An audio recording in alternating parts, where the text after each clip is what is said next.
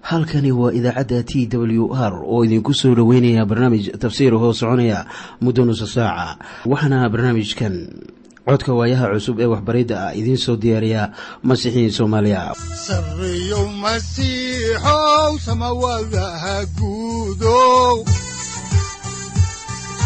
Siraadkii adduunkow subanaha eebow ku soo dhowaada dhegaystayaal barnaamijkeenna dhammaantiinba. Waxaan horay u sii ambaqaadi doonnaa daraasaadkii la magac baxay baibalka dhammaantii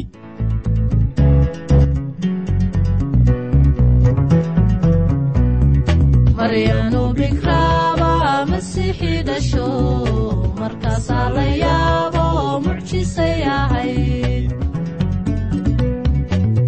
iyadoo rag moogbay malaa'ig salaanto markaasay uruudu mucjisay ahayd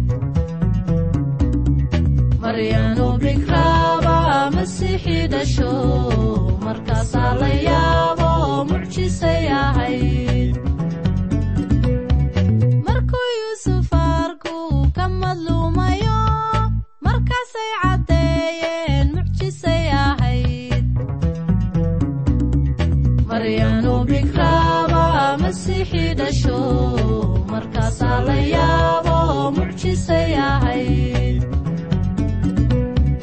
xidigtii masiixa maqawir arkeeno markaasay caddeeyeen mucjisay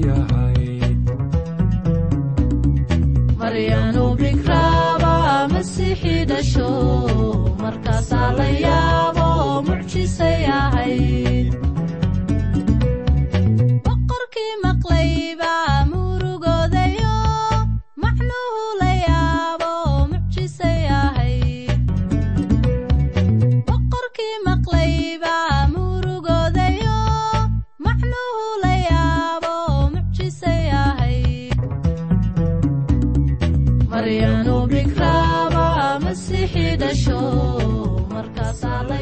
markii noogu dambaysay waxaannu soo gunaanadnay cutubka tobanaad ee injiilka sida luukos uu u qoray.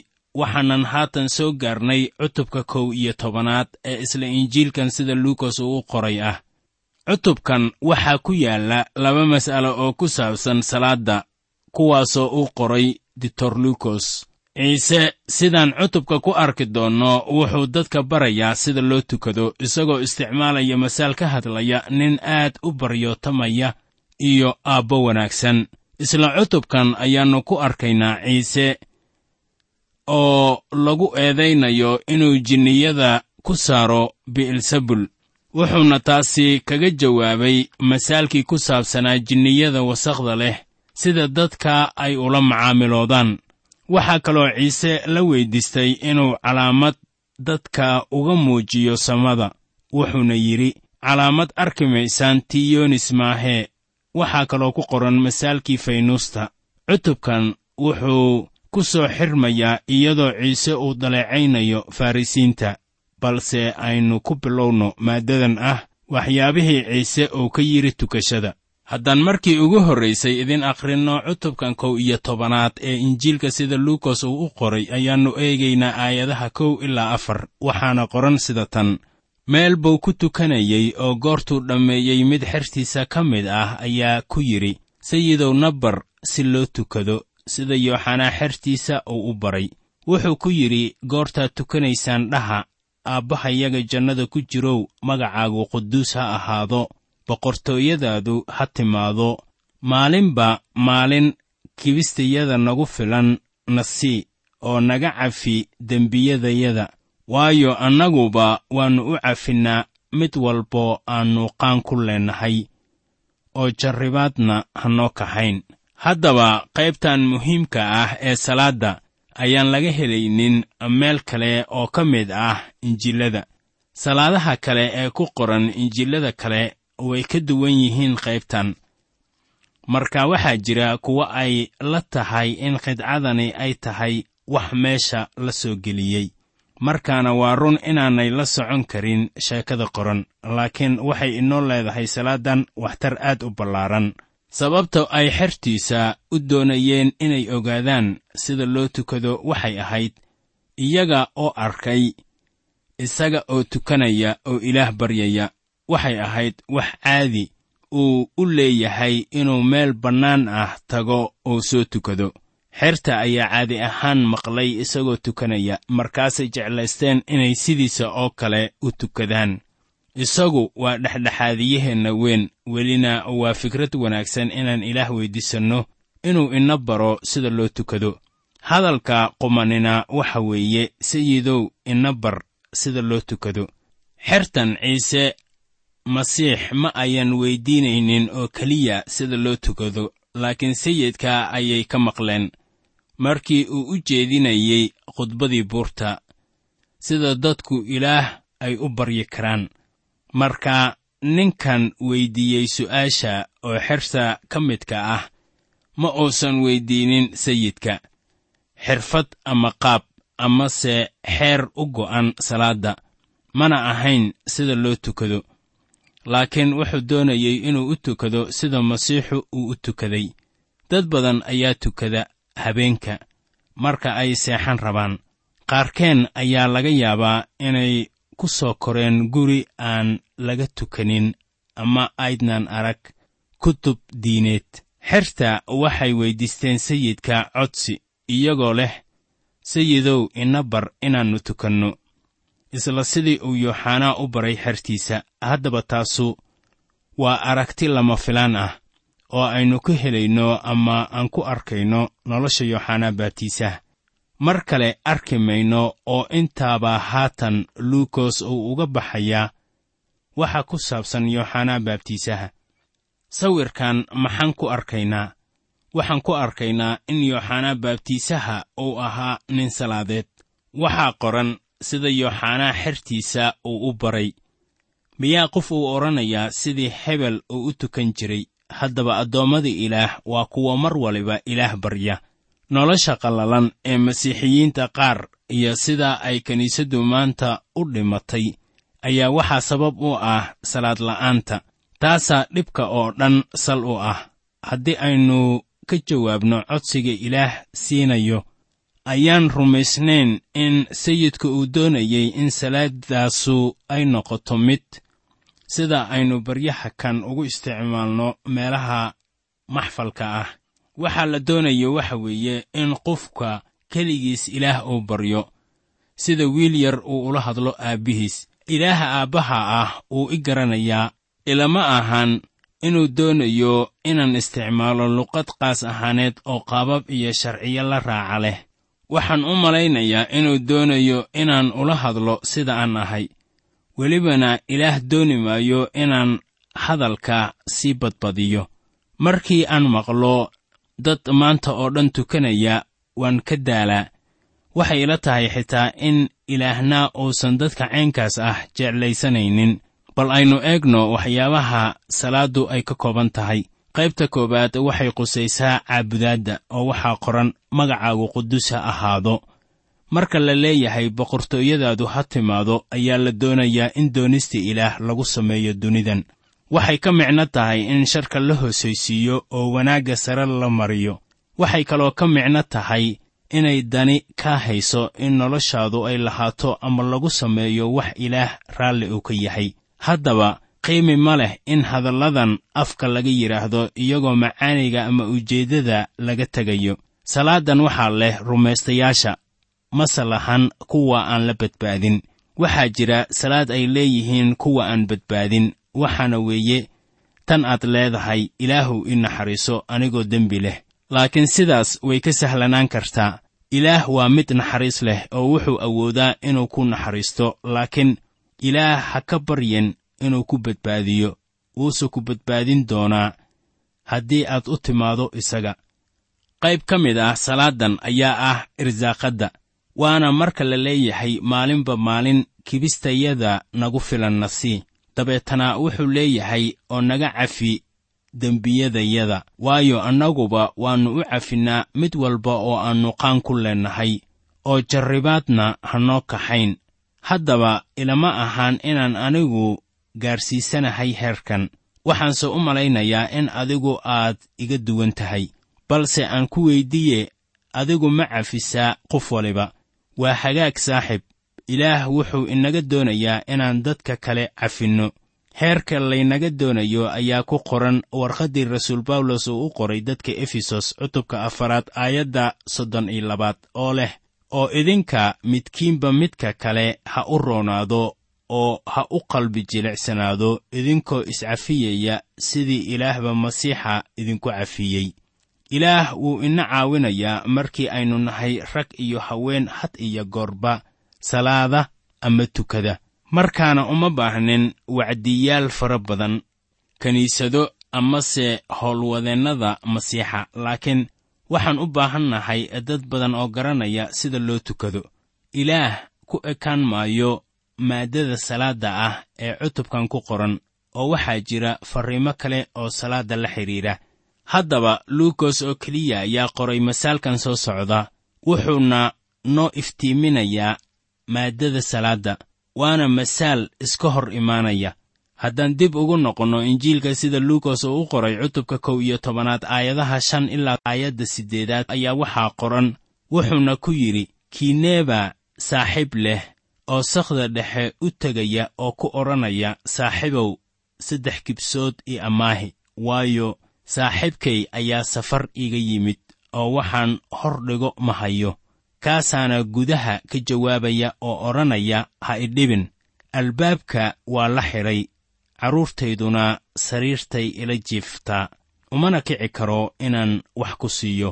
Waxaan idinku leeyahay in kastoo aannu kici doonin oo aannu siin doonin saaxiibnimadiisa aawadeed weliba baryabadnaantiisa aawadeed ayuu u kici doonaa oo u siin doonaa in allah intuu u baahan yahay. Ninku wuxuu leeyahay walaalkayga deriska ahow miyaadan garanaynin sudohday waan ku baryayaaye balkac oo cunnada isii markii aad sii garaacdo ayaa ninkii deriska ahaa soo istaagayaa oo ku siinayaa waxa aad weyddiisanayso soo arki maysid in masaalkanu uu yahay mid iska hor imaanaya.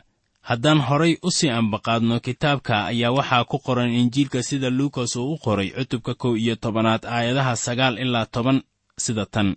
Waxaan idinku leeyahay weyddiista oo waa laydin siin doonaa doona oo waad heli doontaan garaaca oo waa laydinka furi doonaa. Waayo mid kasta oo weyddiista waa la siiyaa kii doonana waa helaa kii garaacana waa laga furaa saaxib miyaad u malaynaysaa in ilaah uu seexanayo? Miyaad dareensan tahay inuu jiifo markii adigu aad baryayso oo aadan kicin karin? Miyaadse rumaysan tahay inaannu doonaynin inuu ka jawaabo salaadahaaga? Ilaah wuxuu doonayaa inuu ka jawaabo baryadaada. Wuuna ka jawaabayaa. Taasina waa wixii masaalkanu uu lahaa. Waa masaal khilaaf inuu keenayo aad mooddo mase ahan mid siman ama isku dheelli tiran. Ma ahan inaad soo gasho iridda samada amase aad garaacdo albaabka samada si aad ku soo jiidato dareenka ilaah. Ilaah ka caajizi maayo inuu maqlo salaadaada oo uu dabeetana kuu soo jawaabo. Ilaah wuxuu inoogu sheegayaa ishaaciyah cutubka lixdan iyo shanaad aayadda afar iyo labaatanaad sidan. Intaanay dhawaaqin ayaan u jawaabi doonaa oo intay weli hadlayaan ayaan maqli doonaa. Ilaah wuxuu doonayaa inuu ina maqlo oo uu inoo jawaabo. Dadka qaar ayay la tahay in ilaah aannu maqlaynin oo aannu ka jawaabaynin salaadahooda.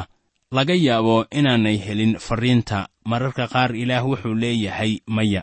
Markaana dhibaatadeennu waxa weeye ma jeclin inaan maya jawaab u qaadanno. Ilaah mar waliba wuu maqlayaa salaadaheenna wuuna ka soo jawaabaa laakiin markii uu yidhaahdo maya ayaynaan weyddiisan waxa inoo wanaagsan. Waxaan bartay sannadadii la soo dhaafay in jawaabta hagaagsan ee ilaah uu ka bixin karay tukashadayda inay ahayd inuu soo diido wixii aan weyddiistay haddaba wax waliba ilaah salaad ku weyddiiso wuxuuna ku siinayaa waxa ugu wanaagsan haddaan horay u sii wadno xigashada injiilka luukos ayaa waxaa habboon inaan isla eegno aayadda kow iyo tobanaad ee isla cutubkan waxaana qoran sida tan. Midkeenneeba aabba ah oo haddii wiilkiisu kibis weyddiisto dhagax siinaya ama hadduu kalluun weyddiisto kalluunka meeshiisii abeeso siinaya ka hor intaadan ilaah weyddiisan codsi waa inay ku xaqiiqsan tahay in ilaah uu xaqiiqa ahaan yahay aabbaha. Waxaa ku qoran injiilka sida yooxanaa uu u qoray cutubka koowaad aayadda laba iyo tobanaad sida tan. Laakiin in allah intii aqbashay wuxuu siiyey amar ay carruurtii ilaah ku noqdaan kuwaasu waa kuwii magiciisii rumaystay. Markii aad rumaysataan in ciise masiix uu dhintay oo uu sara kacay ama u sara kacay dartaa ayaad waxaad noqotay wiil. Markii aad ilaah ugu kalsoon tahay inuu yahay badbaadiyahaaga ayaa waxaa lagugu maquurinayaa ruuxa quduuska ah adigoo ku helaya jidhka masiixa. Waxaana ilaah uu ku noqonayaa sida aabbe adna waxaad ahaanaysaa sida wiil. Haddii aad aabbahaaga dunida weyddiisato kibis ku siin maayo dhagax. Haddii aad kalluun weyddiisatana ku siin maayo mas. Miyaad malayn kartaa ruux aabba ah oo sidaas yeeli lahaa. Haddaan horay u sii ambaqaadno injiilka luukos oo aan eegno cutubka kow iyo tobanaad aayadaha laba iyo toban ilaa saddex iyo toban waxaa qoran sida tan. Ama hadduu ukun weyddiisto dabqallooc siinaya. Haddaba idinka oo shar leh haddaad garanaysaan inaad hadiyado wanaagsan carruurtiinna siisaan intee ka badan ayaa aabbihiinna jannada ku jira ruuxa quduuska ah uu siin doonaa kuwa isaga weyddiista wakhtigaas ayuu xertiisa u sheegay inay weyddiistaan ruuxa quduuska ah. Waxaa keliya oo aan idinku odhan karaa ma aysan weyddiisan oo keliya ruux. Mar dambe ayaa masiixu uu leeyahay aqbala ruuxa quduuska ah. Sida ku qoran yooxanaa cutubka labaatanaad aayadda laba-iyo labaatanaad haddaan halkaasi kaga gudubno maaddadii hore ee aynu sidan weyn uga hadalnay aynu haatanna eegno maaddadan kale ee ah ciise oo lagu eedaynayo inuu jinniyada ku saaro bi'elsebul haddaba dhacdadan waxay kaloo ku qoran tahay injiilka sida matayos uu u qoray cutubka laba-iyo tobanaad aayadaha afar iyo labaatan ilaa soddon iyo weliba markos cutubka saddexaad aayadaha laba-iyo labaatan ilaa soddon qisadan ayaa ina dareensiinaysa inuu jiro waxa loo yaqaanno dembiga aan ilaah cafin oo uusan marnaba raalli ka noqonaynin qofka lagu helo dembi ceenkaas ah. Haddaba maanta waxaa jira dembi aan ilaah marnaba ku cafiyeynin sida ay beri horeba ahayd. Haddaan dusha kaga soo dhacno kitaabka ayaa waxaa ku qoran cutubka kow iyo tobanaad aayadaha afar iyo toban ilaa shan iyo toban sida tan wuxuu saarayey jinni carrabla waxaana dhacay goortuu jinnigii baxay inuu kii carrabka la'aa hadlay dadkiina way yaabeen. Laakiin qaarkood ayaa yidhi wuxuu jinniyada ku saaraa be'elsebul oo ah madaxa jinniyada. Haddaba dabeecaddii rasmiga ahayd ee mucjisooyinka ciise ayaa waxay farrisiinta ka dhigtay inay la yimaadaan fasiraad goonni u ah waxay kaloo diidi kareen jiritaanka mucjisooyinka marka ay ka dhacayeen indhahooda hortooda. Waxay doorteen inay uga faalloodaan mucjisooyinka ciise si wuxuushnimo ah oo aan habboonayn. Ma ayan inkirin in mucjisooyinkaasu ay dhaceen laakiin waxay ku andacoodeen in uu jinniyada ku saaro awoodda shayddaanka haddaan halkaasi ka sii wadno injiilka sida luukos uu u qoray cutubka kow iyo tobanaad aayadaha lix iyo toban ilaa sagaal iyo toban ayaa waxaa qoran sida tan. Markaasaa kuwo kale oo jirrabaya waxay ka doonayeen inuu calaamo cerka ka tuso laakiin isagoo garanaya fikirradooda ayuu ku yidhi boqortooyo walba oo kala qaybsantaa cidlabay noqotaa guri guri ka qaybsamaana wuu dumaa shayddaankuna hadduu kala qaybsamo boqortooyadiisu sidee bay u taagnaan doontaa? Waayo waxaad tidhaahdeen waxaad jinniyo ku saartaa be'elsebul. Anigu haddii aan jinniyada ku saaro be'elsebul wiilashiinnana yay ku saaraan. Sidaa darteed iyagu waxay ahaanayaan xaakinnadiinna. Haddaan horay u sii ambaqaadno dooddaas ayaad arkaysaa in masiixu uu u muujinayay iyaga sida ay uga boodsanaayeen. Haddaan horay u sii ambaqaadna ayaannu haatanna eegaynaa injiilka sida luukos uu u qoray aayadda labaatanaad ee cutubka kow iyo tobanaad. Waxaa qoran sida tan laakiin haddaan jinniyada ku saaro farta ilaah waxaa idin timid boqortooyadii ilaah. Boqortooyadii ilaah ayaa idin timid. Waxay ka micno tahay in uu la joogo qof ahaan ciise oo lahaa aqoonsiga boqornimo haddaan halkaasi ka sii wadno injiilka sida luukas uu u qoray aayadaha kow iyo labaatan ilaa laba iyo labaatan ee cutubka kow iyo tobanaad ayaannu akhrinaynaa sida tan. Nin xoog leh oo hubaysan markuu ilaalinayo barxaddiisa alaabtiisu waa nabadgelaysaa laakiin mid ka xoog badan goortuu ku soo baxo uu ka adkaado wuxuu ka qaadaa hubkiisii uu isku hallaynayey oo wuu qaybiyaa wuxuu ka dhacay. Ninka xoogga leh oo hubaysan waa shayddaanka markaana jinniga haya. Ninka ayaa caddayn u ah xooggiisa laakiin soo arki maysid ciise wuu ku xoog badan yahay shayddaanka taasoo sabab u ahayd inuu jinniyada eryo. Haddaba marka la leeyahay nin xoog leh oo hubaysan markuu ilaalinayo barxaddiisa waa aayad innaga macaani inoo leh. Waxaa jira kuwa doonaya inay inaga dhigaan hubka oo qaran ahaan qalabka inaga qaadanaya oo guryaheenna dhacaya. Laakiin ninkii xoog leh gurigiisa waa inuu ilaaliyaa. Waxaa jira dad xunxun oo dibadda jooga. Shayddaankuna dibadduu joogaa marka uu jiro cadowga xooggan waa inaan innaguna hub soo urursannaa. Haddaan halkaasi uga gudubno masaalkii hore ayaannu eegaynaa maaddadan kale ee ah masaalka ruuxyada wasakhda leh. Innagoo horay u sii ambaqaadaynaa kitaabka ayaannu haatanna eegaynaa injiilka sida luukas uu u qoray cutubka kow iyo tobanaad aayadaha afar iyo labaatan ilaa lix iyo labaatan. Waxaana qoran sida tan jinniga wasakhda leh goortuu ninka ka baxo wuxuu maraa meelo aan biyo lahayn isagoo nasasho doonaya. Oo markuu heli waayo wuxuu yidhaahdaa waxaan ku noqonayaa gurigaygii aan ka soo baxay. Oo goortuu yimaado wuxuu helaa isagoo xaaqan oo hagaagsan. Markaasuu tagaa oo wuxuu wataa toddoba jinni oo kale oo ka xunxun isaga wayna galaan oo halkaasi joogaan. Ninkaas wakhtigiisa dambe ayaa ka darnaada haddaba wakhtiga hore. Masaalkan wuxuu sawirayaa jegada layaabka leh ee reer israa'iil iyo farrisiinta masaalka wuxuu ka hadlayaa nin lahaa ruuxyo aan daahir ahayn. Jinnigii ayaa ka tegaya ninka. Ninkuna wuxuu dareemayaa inuu daahir noqday oo uu ka xuroobay jinnigii.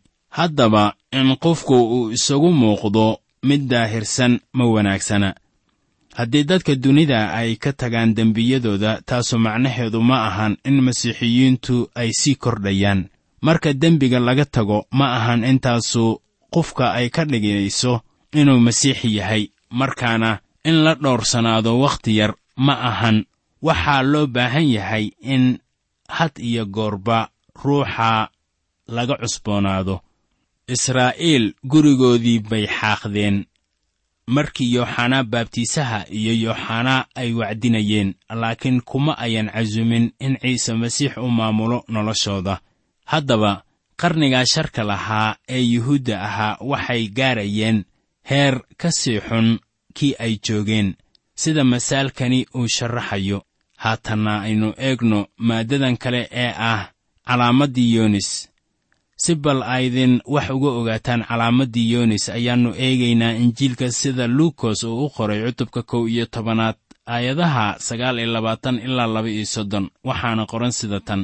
Goortii dadkii badnaa ay isugu soo ururayeen wuxuu bilaabay inuu yidhaahdo qarniganu waa qarni shareed calaamo bay doonayaan lamana siin doono.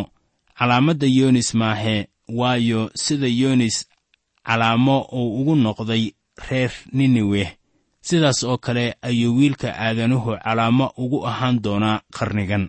Boqorradda koonfureed waxay xisaabta la kici doontaa dadka qarnigan wayna xukumi doontaa waayo waxay ka timid meesha dhulka ugu shishaysa inay xigmadda sulaymaan maqasho. Oo bal eeg mid sulaymaan ka weyn ayaa halkan jooga. Nimanka niniweh waxay xisaabtaa isla istaagi doonaan dadka qarnigan wayna xukumi doonaan waayo waxay ku toobad keeneen wacdigii yoonis oo bal eeg mid yoonis ka weyn ayaa halkan jooga. Haddaan dib ugu noqonno injiilka sida luukas uu u qoray cutubka kow iyo tobanaad aayadaha saddex iyo soddon ilaa lix iyo soddon ayaa waxaa ku qoran ma jiro nin goortuu ilays shido dhiga meel qarsoon ama weel hoostiisa laakiin wuxuu saaraa meeshii ilayska si ay kuwa soo galaa iftiinka u arkaan. Ilayska jidhkaagu waa ishaada. Ishaaduna markay hagaagsan tahay jidhkaaga oo dhammu waa iftiimaa laakiin goortay xun tahay jidhkaaguna waa gudcur. Haddaba iska jir si iftiinka uu kugu jiraa aanu gudcur u ahaan. Haddaba haddii jidhkaaga oo dhammu iftiimo aanuna lahayn meel gudcur ah waa wada iftiimaa sida goortii ilayska dhalaalaya uu ku iftiimiyo. Sayidkeenna ayaa ina siinaya tusaale gaaban oo ku saabsan danta loo shido shumaca ama faynuusta. Waxaa shumaca loo shidaa inuu iftiin ina siiyo oo dannigiisana waa inuu ilayska gudbiyaa. Sarakicidda masiixa ayaa noqonaysa iftiin. Sarakiciddii masiixa ayaa ah ilayska dunidan. Haddaba looma jeedo in isagu uusan ahayn iftiinka dunidan waxaase loo jeedaa in dadku ay indhala' yihiin. Haatanna aynu eegno maaddadan kale ee ah ciise oo daleecaynaya farrisiinta haddaan dib ugu noqonno xigashada injiilka sida luukas uu u qoray ayaannu eegaynaa cutubka kow iyo tobanaad aayadaha soddon iyo toddoba ilaa soddon iyo siddeed waxaana qoran sida tan. Goortuu hadlayey nin farrisi ah ayaa weyddiisay inuu wax la cuno. Wuuna galay gurigiisa oo cunno u fadhiistay farrisigii markuu arkay waa yaabay waayo cuntada horteed ma uu faraxalan.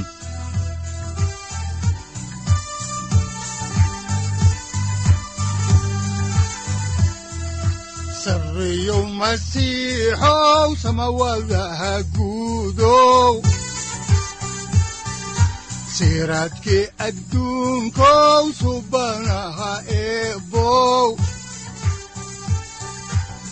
sarreyow masiixow samawadaha guudow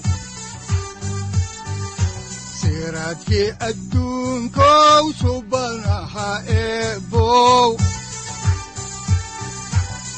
adigoo samaada jiro ifkaan soo saldhiganba adigoo samaada jiro ifkaan soo saldhiganba kutubtiisanaye halkani waa t w r idaacadda t w r oo idinku leh ilaa ha idin barakeeyo oo ha idinku anfaco wixii aad caawi ka maqasheen barnaamijka. Waxaa barnaamijkan oo kalea aad ka maqli doontaan habeen dambe hadahan oo kale haddiise aad doonaysaan in aad fikirkiina ka dhiibataan wixii aad caawi maqasheen ayaad nagala soo xiriiri kartaan som t w r at t w r c o k e. Waxaad kaloo iimailada inoogu soo diri kartaan dhegaystayaal cinwaanka yahu-ga oo ah somali t w r at yahu com. Aaduu u fududyahayaa somali t w r at yahu com. Waxaa kaloo aan idin siin doonaa website aad ka maqashaan barnaamijyada soomaaliga ah. Si kuwiina doonaya in ay koorasyo ka qaataan bibalka ay ugu suurowdo ama ugu hirgasho.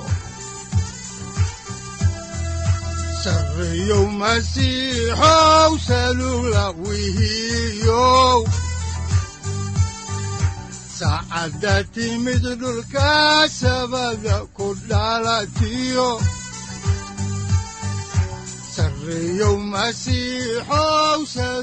halkani waa t w r oo idiin rajaynaya habeen baraare iyo barwaaqaba leh.